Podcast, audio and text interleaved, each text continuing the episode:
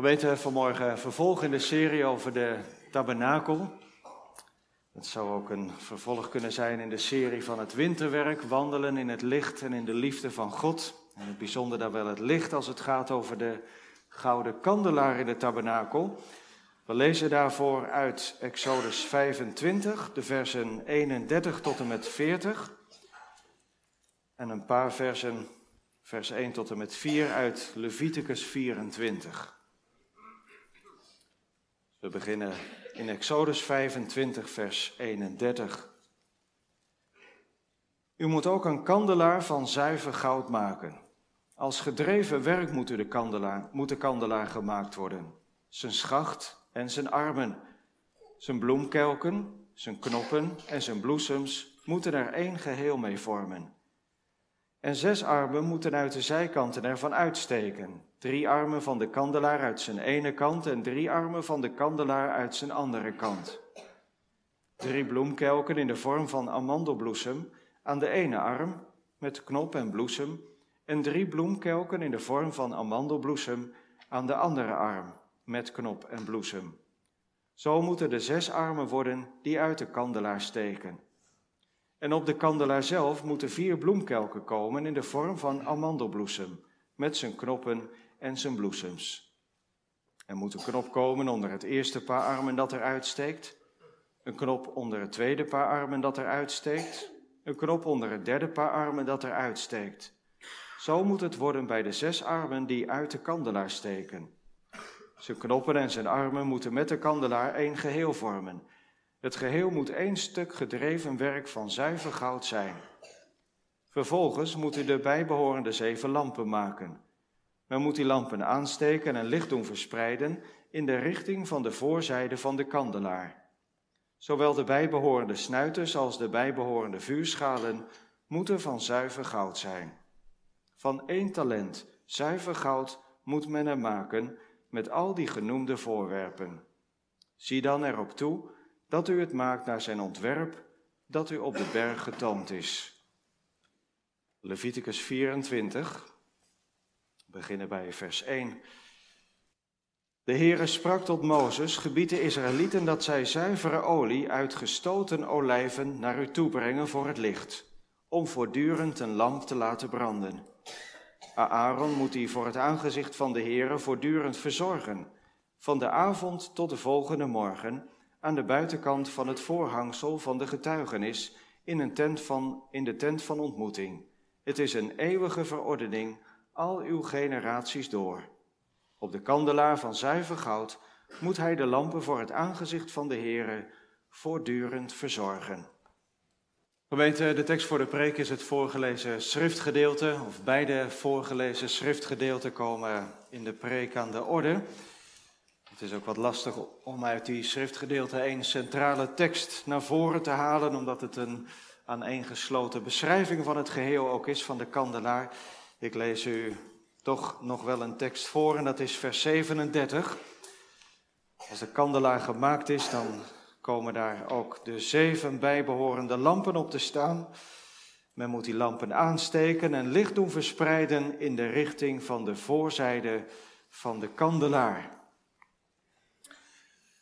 Het gaat gemeente, jongens en meisjes, en dat is ook het thema voor de preek van morgen, over het evangelie van de gouden kandelaar. Het evangelie van de gouden kandelaar. daar zit een boodschap in van het verlicht worden door God en het gevoed worden door de Heilige Geest. En dat zijn dan de twee verschillende punten van de preek. Het evangelie van de gouden kandelaar verlicht worden door God, gevoed worden door de geest. Allereerst dus gemeente, jongens en meisjes, verlicht worden door God. Gemeente, mag ik beginnen met een vraag. Een vraag of u en of jij jezelf wel eens afvraagt, hoe leef ik eigenlijk? Hoe ben ik in deze wereld voor de mensen om mij heen eigenlijk christen? Hoe maak ik nou mijn niet-christelijke collega's duidelijk dat het leven met God het mooist denkbare leven is dat bestaat? Hoe bevind ik mij tussen mijn vrienden die zelden of nooit in de kerk komen? Wie ben ik voor hen? Hoe kan ik het licht van de Heer Jezus Christus laten schijnen in deze zo donkere wereld? Weet zijn dat wel eens vragen die je, je zo gaande je leven wel eens afvraagt? Ook vragen die wel eens terugkomen. Hoe ben ik nou christen? Hoe laat ik het licht van de Heer Jezus Christus in mijn omgeving schijnen? Ik hoop echt dat je, dat je dit soort vragen hebt. Dat je daar ook over nadenkt. Dat het uw verlangen is om licht voor deze wereld te mogen zijn. Waarom? Omdat het licht van Christus, het licht van God, het meest heldere licht is voor elk mens. En dat God zelf ons op allerlei manieren opwekt om niet alleen in zijn licht te leven, maar om dat licht dan vervolgens ook uit te stralen en door te geven in deze wereld. Want gemeente, wij leven niet voor onszelf. We leven niet voor onszelf, maar voor God en tot zegen voor onze naasten. Dat is de manier waarop God ons in deze wereld plaatst, om voor God te leven en tot zegen voor de mensen met wie je geregeld te maken hebt, of misschien maar één keer. Je leeft niet in je eigen bubbel, in je eigen wereld, maar in de wereld van God en tot eer van God. Een gemeente als de Heer ons daar nou zelf toe oproept, dan kan het voor een christen toch niet anders zijn dan dat je je afvraagt, ja maar heren, hoe dan? Hoe dan? En is zo mooi gemeente, dat hoeven we niet zelf te bedenken. Paulus die zou zeggen, hoe dan? Als burgers van de hemel. Hoe dan? Ons burgerschap is in de hemel en de Heer Jezus heeft gezegd: wandel als kinderen van het licht. En toen ik daar zo over nadacht, gemeente, toen dacht ik dat zijn twee teksten uit de Bijbel die passen prachtig bij wat we nu in de tabernakel tegen gaan komen. De gouden kandelaar. Want gemeente, waar staat die kandelaar? Die staat in de hemel. Jongens en meisjes, gaan jullie nog één keer mee de tabernakel in? Als je in gedachten meeloopt, dan ben je al door de poort in de omheining van de voorhof gegaan. Je kwam al voorbij het brandofferaltaar, het koperen wasvat. En eigenlijk mogen alleen de priesters verder gaan. Door het gordijn heen komen zij dan in het heilige.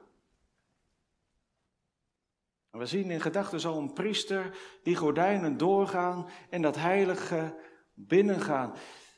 En je denkt bij jezelf, zeg priester, heb jij wel een lampje meegenomen? Heb je wel een lampje meegenomen? Want het zal daar binnen wel ontzettend donker zijn. Hè? Want al die gordijnen die de, die de tabernakel bedekken en dat gordijn aan de voorkant en alle kanten dikke gordijnen, drie lagen dik soms. Het moet daar binnen wel vreselijk donker zijn, daar dringt geen straaltje licht naar binnen.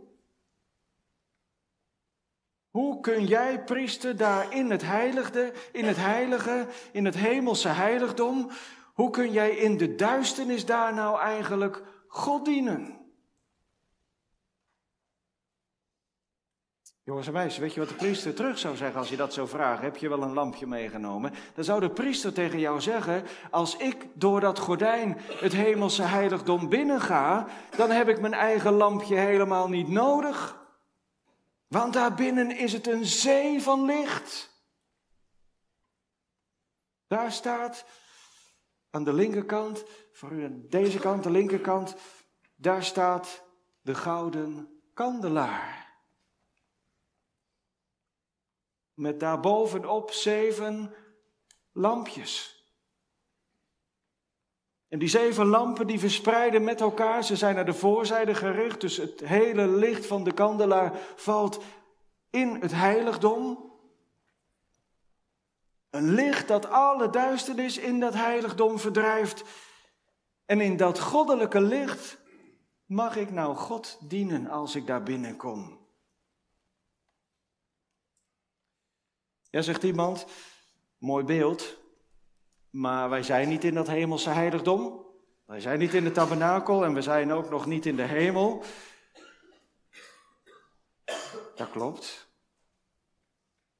Dat klopt, maar toen het de eerste keer over de tabernakel ging, heb ik twee dingen gezegd. De tabernakel is een afbeelding van de hemelse werkelijkheid.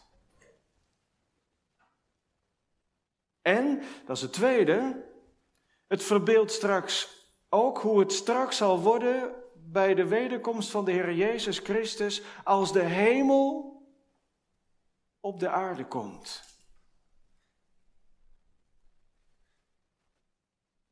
En de tabernakel verbeeldt ook hoe Christus daar nu op aanwerkt, hoe hij daar naartoe werkt.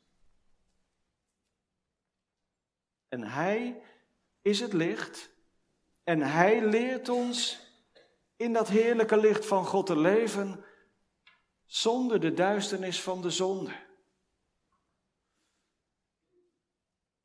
Want dat is de wereldgemeente. Duisternis, zonde, woorden die je vaak in de Bijbel kunt verwisselen voor elkaar, duisternis en zonde. Wij maken van nature deel uit van die duisternis, van die zondige wereld. Wij zijn, zegt de Bijbel, verduisterd in ons verstand, vervreemd van God. Dat is duisternis. En wij zijn zelfs op weg naar de buitenste duisternis van nature. En nou zegt God, ik wil het op deze aarde, wil ik het maken zoals het in de hemel is. Ik wil de duisternis die er op deze aarde heerst, wil ik verdrijven. En daarom zend ik mijn zoon Jezus Christus in deze wereld. En hij heeft het gezegd, ik ben het licht der wereld. Wie mij volgt zal in de duisternis niet wandelen, maar zal het licht van het leven hebben. Gemeente, hoe kom je in dat licht? En hoe leef je in dat licht? Door de Heilige Geest. Daar gaat straks het tweede punt ook over. De Heilige Geest die je bij de Heer Jezus Christus brengt. Vandaar dat de Bijbel ook zegt, Paulus die schrijft erover, Hij heeft ons getrokken uit de duisternis en heeft ons gebracht in zijn wonderlijk licht.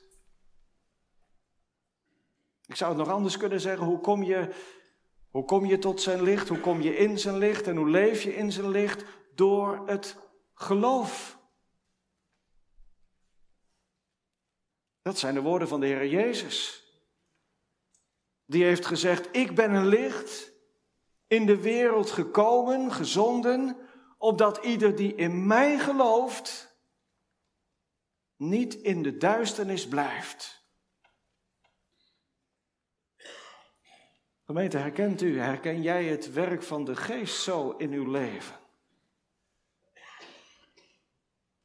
Dat is denk ik eigenlijk dan ook geen moeilijke vraag. Hoe kun je dat herkennen? Dat kun je herkennen in je eigen leven aan de strijd die er ontstaat tussen licht en donker. Tussen het licht, het goede dat van God is, en de duisternis, de zonde die van jezelf is en van de duivel is. En als de geest in je hart en in je leven aan het werk gaat, wat gebeurt er dan? Dan ga je de duisternis haten en dan ga je het licht lief hebben. Je gaat de zonde haten en je gaat het goede dat van God is, dat ga je zoeken. Er komt liefde in je hart voor de Heer Jezus Christus, voor het licht. En je verlangt ernaar om te leven zoals de Heer Jezus Christus. Je wordt namelijk een kind van het licht. Dat is een mooie naam, hè? Een mooie naam, kind van het licht. Een mooie naam voor een kind van God, kind van het licht. Dan word je dus zo'n priester. Zo'n priester die God mag gaan dienen in het licht van Christus, in het licht van God. En waarom dat zo mooi is, je hoeft je eigen lampje niet mee te nemen. Dat is een geweldig belangrijke lesgemeente waarmee je heel veel krampachtigheid in het dienen van de Heere God ook kunt voorkomen. Je hoeft je eigen lampje niet mee te nemen. Je mag leven in het licht van God zelf. In het licht van de Heer Jezus Christus. Je hoeft niet zelf voor licht te zorgen. Maar staande in het licht van God, gekomen tot het licht van de Heer Jezus Christus, mag je het licht dat je van Hem ontvangt verspreiden. Geweten, laten we met elkaar die prachtige kandelaar nog wat beter bekijken. Het is echt, echt een kunststuk geweldig. Het is één schacht, zeg maar de middelste paal noem ik hem maar even, één schacht. Dat trouwens in de Bijbel niet hoe groot die kandelaar was. Ik beeld maar wat uit. Midden één schacht, de middelste paal, die is versierd met vier bloemkelken, bloesem met knop, boven elkaar. En net boven elke bloemkelk die in die schacht is verwerkt, net daarboven springen de twee armen, links en rechts eentje eruit. En elke arm heeft opnieuw weer drie keer een bloemknop en een bloesem. Als je dus van de ene kant naar de andere kant zou gaan door en de schacht in het midden, kom je dus telkens het getal zeven tegen. Zeven bloemknoppen en bloesems. En dat drie keer boven elkaar. Getal 7 is in de kandelaar een, een, belangrijk getal, want daar staan er bovenop die kandelaar, bovenop die zeven armen, staan ook de zeven lampen. In de Bijbel hangt het woord zeven samen met zweren. Ik ga dat verder niet uit de doeken voor u doen vanmorgen, dat wordt te ingewikkeld, maar neemt u dat maar van mij aan. Zeven hangt samen met zweren. Wie zweert er in de Bijbel? Dat is vooral God, die bij zichzelf trouw zweert aan zijn volk. Wat laat de gouden kandelaar ons zien? Het volk van God mag hem dienen in het licht van zijn trouw. God die zijn woord houdt. Nog even naar die kandelaar kijken, want en dan moet je eigenlijk een paar stappen achteruit doen. En dan die kandelaar zo voor je zien, dan heb je er niet veel fantasie voor nodig, gemeente, om in die kandelaar een boomstam te zien met zes takken daaraan. Of eigenlijk zeven takken zie je dan, een beetje afhankelijk van hoe je er naar kijkt. Een amandelboom, want die bloesems en die kelken, die bloemknoppen, dat zijn bloemen van de amandelboom. Die kandelaar die staat daar in de tabernakel als een amandelboom. Of zoals die ook wel, dat is weer een beetje een woordspel, of zoals die ook wel wordt genoemd, een waakboom. En Jeremia zegt daar wat over. Profeet Jeremia, die ziet in, de, in een visioen ziet hij een tak van die amandelboom, van zo'n amandelboom. En God geeft hem daarbij de uitleg, ik waak over mijn woord om dat te doen. Dat heeft bij Jeremia intussen dan wel een ernstige ondertoon. Van Gods trouw aan zijn eigen woord. En dat is dan ook het oordeelswoord over mensen die zijn trouw gebruiken, of beter gezegd misbruiken, door niet in het licht van het woord te leven. Het afvallige Israël dat doorging met hun eigen duistere praktijken en God niet wilde dienen. Gemeente, als je het nou meezingt zoals ze dat al in deze dienst hebben gedaan en van harte meezingt, uw woord is als een lamp voor mijn voet en als een licht op mijn pad. Gemeente, dan heeft dat leven in het licht van God in het licht van zijn trouw en van zijn gegeven woord, dat geeft dan een geweldig diepe vreugde. En een geweldige zekerheid ook, want het is Gods eigen licht, het is Gods eigen woord dat hij in trouw heeft hij zich daaraan verbonden. Al denkt de hele wereldgemeente dat het woord van God van een vroegere tijd is. Dat het ouderwets gebabbel is voor mensen die een beetje achterlopen. Dan kun jij daarin je houvast vinden als het betrouwbare woord van de God die bij zichzelf gezworen heeft. En ik doe wat ik heb gezegd. En ik hou me aan het woord dat ik heb gegeven. Dan kun jij zeggen en zingen, in uw licht zien wij het licht.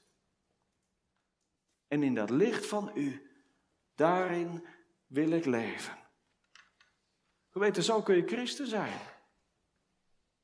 Zo kun je christen zijn in het licht van God, in het licht van Gods trouw, in het licht van zijn woord en van zijn belofte.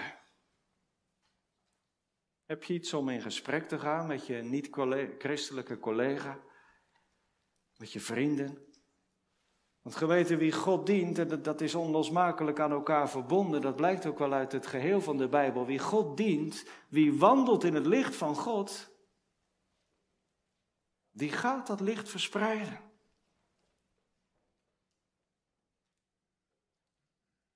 En niet zomaar als een, als een opdracht allereerst, maar zoals God het van zichzelf zegt, ik ben. Zo zegt hij het ook van ons als christenen die in zijn licht leven. Ik ben het licht der wereld, u bent het licht der wereld. Als een feit. Ja, en vanuit dat feit kan dan ook de opdracht klinken: laat dan uw licht schijnen voor de mensen, opdat zij uw goede werken zien en uw Vader die in de hemel is, verheerlijken. Gemeente, want daar gaat het om, hè? die priester die daar in het heiligdom in het licht staat, om in het heiligdom God te dienen.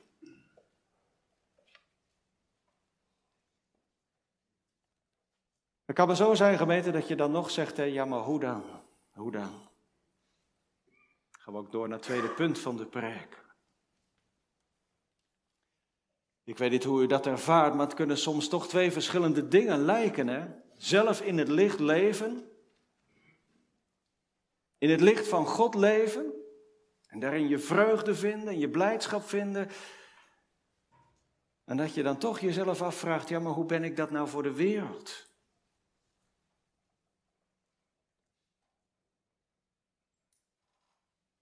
Ik denk gemeente dat het een en het ander onlosmakelijk aan elkaar verbonden is.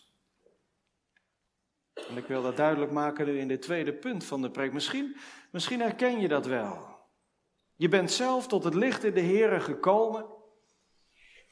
Je bent gaan inzien hoe heerlijk het licht van de Heer Jezus Christus is. Het licht van zijn genade, het licht van zijn liefde, het licht van zijn trouw. Terwijl je zelf in de duisternis was, maar het licht brak door in je leven. En hij ontmaskerde jouw duisternis. Daar begint het mee, vaak. Het ontmaskeren van jouw duisternis, waar je in leeft, in welke zonde je leeft. En, dat is voor de een is dat vooral een zonde van liegen, en voor de ander is dat de zonde van dronkenschap. En weer een ander heeft last van de duisternis van eigen eer. Christus laat daar zijn licht over schijnen. En ineens ga je zien wie je bent en ga je zien hoe je leeft. En dan ga je ook zien hoe donker het eigenlijk is. En hoe naar dat dan eigenlijk ook is. En, en hoeveel heerlijker, want dat is ook het, de eigenschap van dat licht van God. Dat licht is een heerlijk licht en dat is een vreugdevol licht. En als je erin gaat komen. En onweerstaanbaar werd je tot de Heer Jezus Christus getrokken. En daar ben je verwonderd over en je bent er dankbaar voor. En dan zit je aan de koffietafel met je collega, werk begint weer, vakantie voorbij, en dan zit je aan de koffietafel met je collega. En je weet heel duidelijk, en je merkt het dan waar hij over praat, dat hij, dat hij zijn vreugde in de wereld zoekt, dus eigenlijk in de duisternis zoekt. En je hebt best een goed contact met elkaar en je praat met elkaar. Ook wel over persoonlijke dingen soms. En dan kom je aan het eind van de dag thuis. En waarom heb ik nou niks gezegd over de Heer Jezus? Hoe komt dat toch? Zelf een goede zondag gehad en vol van wat je hebt ontvangen en toch, en toch zeg je niks. Het contact was goed en er was ook wel vertrouwen over en weer. En er waren best wel, als je erover nadenkt, openingen en aanknopingspunten om zomaar iets te zeggen. Maar toch kwam het er niet van. Hoe komt dat nou? Hoe kan ik, die mag genieten van het licht, hoe kan ik nou zelf licht voor deze wereld zijn? Zoals Johannes de Doper, waarvan de Heer Jezus zegt, hij was een brandende en lichtende kaars. Lampje heeft niet zo lang gebrand, maar hij was het wel. De gemeente, die vraag die komt naar ons toe. Want de openbaring, en die komt naar ons toe als, als niet alleen persoonlijk, maar ook als gemeente. Het boek Openbaring heeft het namelijk heel wonderlijk ook over kandelaren. Openbaring 1. En Openbaring 1 vertelt dat de gemeente van Christus een kandelaar is. Er zijn er meerdere, in Openbaring zijn het zeven kandelaren, verspreid in de wereld. Die zeven kandelaren, die zeven gemeenten van God, die zijn verbonden door Hem die tussen die kandelaren wandelt, de verhoogde Heer Jezus Christus, de koning van zijn gemeente. juist ook in het boek Openbaring wordt het ontzettend duidelijk hoe duister het in deze wereld is. De wereldstad Babylon die groeit tot ongekende hoogte. Wereldstad waarin de zonde openlijk wordt bedreven en gepromoot zelfs van hoger hand. En de gelovigen, kleine groepjes gelovigen, de kleine gemeente van de Heer Jezus Christus, die wonen midden in die duistere wereld. En ze hebben het moeilijk. Er is verdrukking, vervolging. En Christus noemt ze gouden kandelaren.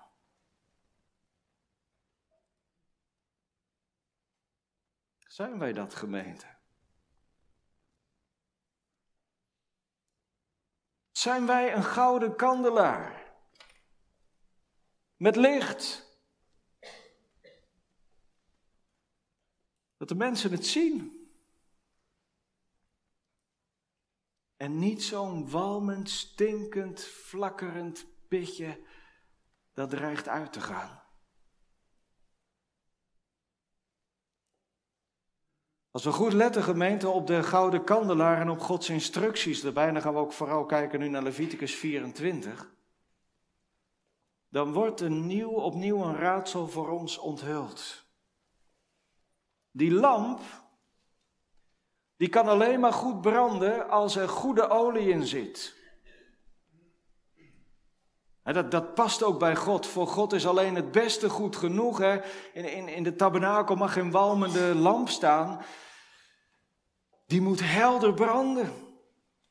Want God zelf is een helder licht en hij wil dat hij wordt uitgebeeld zo helder als het maar kan. En die lamp die brandt dus alleen maar als er goede olie in zit. Geen troep erin, geen oude olie erin. Dat zorgt voor verstopping of dat zorgt voor een smeulende pit. Olie, dat weten wij denk ik wel gemeend, is het beeld van de Heilige Geest in de Bijbel. En elk mens die opnieuw geboren is, die tot de Heer Jezus Christus gekomen is, ontvangt de Heilige Geest. Zonder de Geest kun je geen licht zijn. Persoonlijk niet en ook niet als gemeente. We hebben olie nodig. De beste, de meest zuivere olie. Gemeente, wij kunnen niet zonder de Heilige Geest. Wij kunnen niet zonder de Heilige Geest. Ja, zegt iemand, ik mag de Heer Jezus Christus beleiden als mijn zaligmaker, als mijn redder. Ik ben opnieuw geboren. Ik heb de Heilige Geest ontvangen. En toch, en toch, kan je soms ook wel eens aanklagen toch gemeente, wat zien de mensen nou aan mij?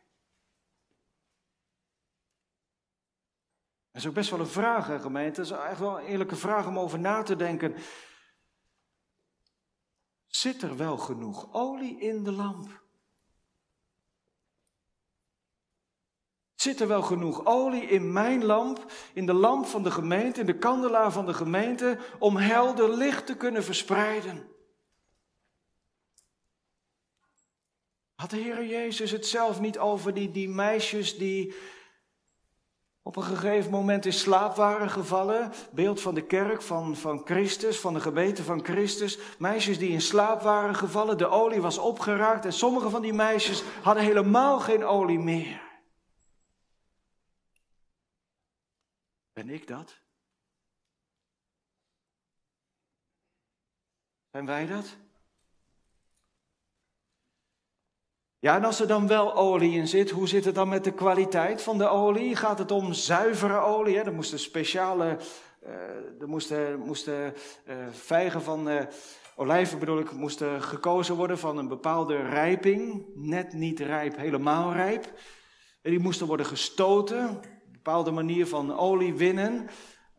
Dat werd gezuiverd en daar kwam de beste olie uit tevoorschijn. Gemeente, hoe zit het met de kwaliteit van de olie?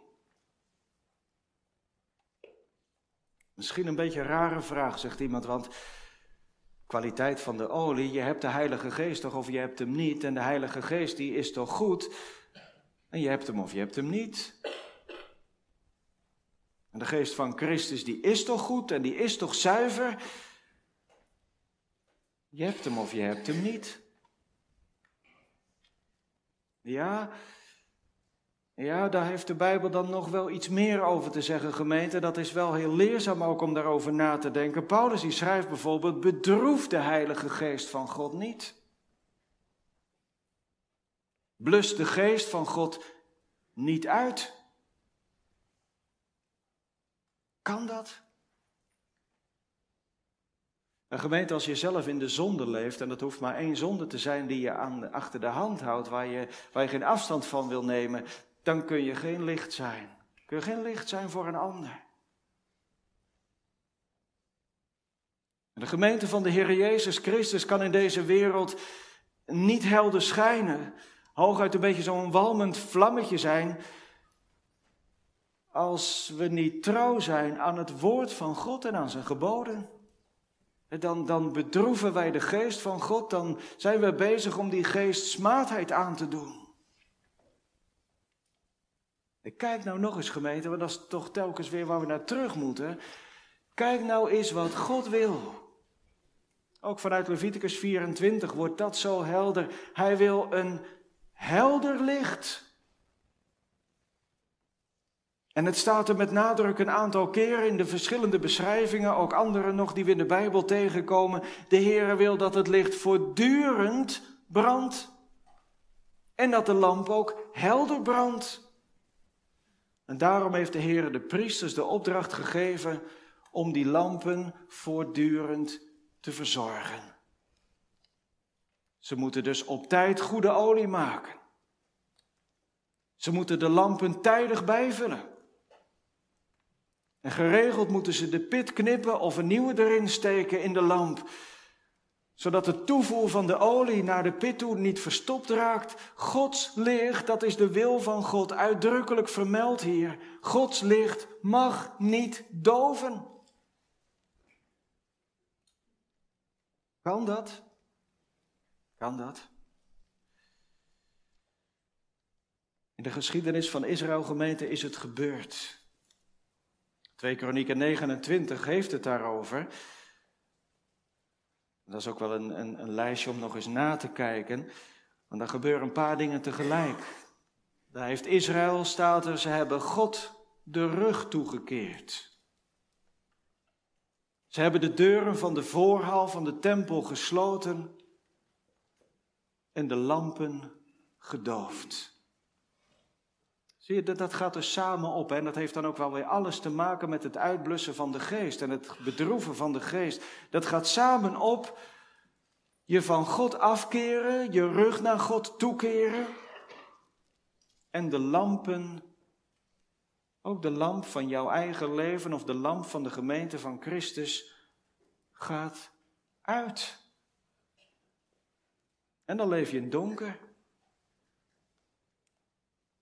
Ja, zegt iemand, dat is nou wel typisch weer zo'n voorbeeld van het Oude Testament. Gelukkig leven wij in de tijd na de komst van de Heer Jezus Christus en na de komst van de Heilige Geest, de uitstorting van de Heilige Geest. Dat zal bij ons niet meer gebeuren. Wacht even, wacht even. Openbaring 2, vers 4. Ik heb tegen u dat u uw eerste liefde hebt verlaten. Gemeente, daar gaat het om, hè? Ik heb tegen u dat u uw eerste liefde hebt verlaten. Hoe komt het nou dat onze lamp. Ja, ik moet bij mezelf houden. Hè? U moet die vraag voor uzelf beantwoorden. Hoe komt het nou dat mijn lamp soms zo weinig naar buiten schijnt? Komt dat? Dat gebeurt, gemeente, als je je eerste liefde, als je de Heer Jezus Christus niet meer op de eerste plek van je leven hebt staan. Je eerste liefde hebt verlaten. Als de Heer Jezus Christus niet meer nummer één van je leven is, gemeente los van de Heer Jezus Christus, gaat je lampje langzaam uit. En vandaar het appel van de koning van de kerk in Openbaringen 2, bekeer je daarvan Terug naar je eerste liefde, want daar hoor je te zijn. Zo niet, dan zal ik de kandelaar, nee, uw kandelaar, van zijn plaats wegnemen. Weet, het gaat dus wel ergens over. Hè? In het licht leven, bij Christus zijn, en zo zelf tot een licht zijn voor de wereld. dus hoe kan ik een licht zijn? Hoe kunnen wij als gemeente van de Heer Jezus Christus een licht voor de wereld zijn, voor onze omgeving? Ja, zodra je weg bent van Christus, bekeer je tot Hem. Want Hij zegt het, en zo kwam Hij in de wereld. Ik ben het licht in de wereld. En wie mij volgt, eerste liefde zal beslist niet in het duister wandelen. En hij belooft het, om dat beeld van de olie nog maar even vast te houden. Hij belooft het, ik zal u met de Heilige Geest dopen. In de geest onderdompelen. Want gemeente, er is olie genoeg, zuivere olie in de volheid van de Heilige Geest. En zo wil God ons maken tot heldere lichten in deze wereld. Nog even de blik naar de toekomst. Waar gaat het naartoe met de gemeente van de Heer Jezus Christus? Met degenen die in zijn licht wandelen en Gods geboden bewaren. Gemeente, ook die gouden kandelaar is een verwijzing naar een veel heerlijker hemelse werkelijkheid die dankzij de Heer Jezus Christus komen gaat.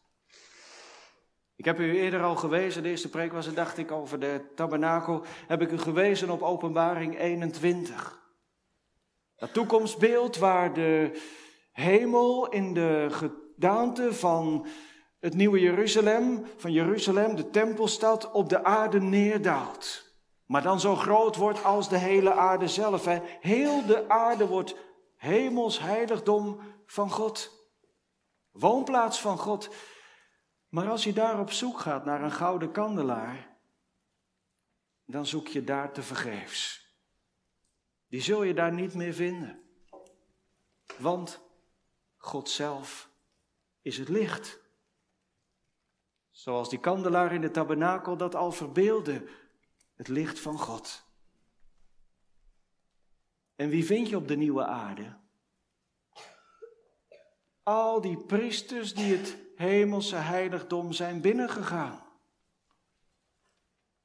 De gelovigen uit alle volken. Die hun kleding hebben witgewassen in het bloed van het lam. En wat doen ze daar? Openbaring 5. Zij dienen God dag en nacht in zijn tempel. De priesterscharen uit alle gelovigen van over heel de wereld dient God op de nieuwe aarde, in de nieuwe hemel, in het heldere licht van God. Continu, dag en nacht. Gemeente, dat is de toekomst van, toekomst van de kerk. Toekomst van de gemeente van de Heer Jezus Christus. Voor goed leven in het licht van God. In het licht van Gods aanschijn wandelen en God dienen.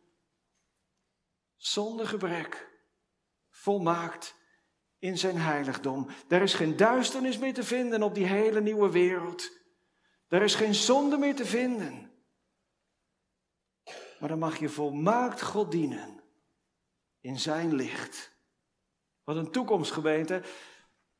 Heb je er zin in? Heb je er zin in? Ja, dan begin je er hiermee. Dan ben je er al mee begonnen als je er zin in hebt gekregen. Dan leef je bij het woord van God en dan leef je bij zijn licht op jouw pad. En je laat je voortdurend voeden met de olie van de Heilige Geest. En dan kun je ook lichtdrager zijn voor Hem in deze donkere wereld. Laat uw licht schijnen voor de mensen. Nee, dat is niet om daar zelf dan zo'n superchristen van te zijn die het zo goed doet. Maar laat uw licht schijnen voor de mensen, opdat zij uw goede werken mogen zien. En uw Vader die in de hemel is, verheerlijken. Amen.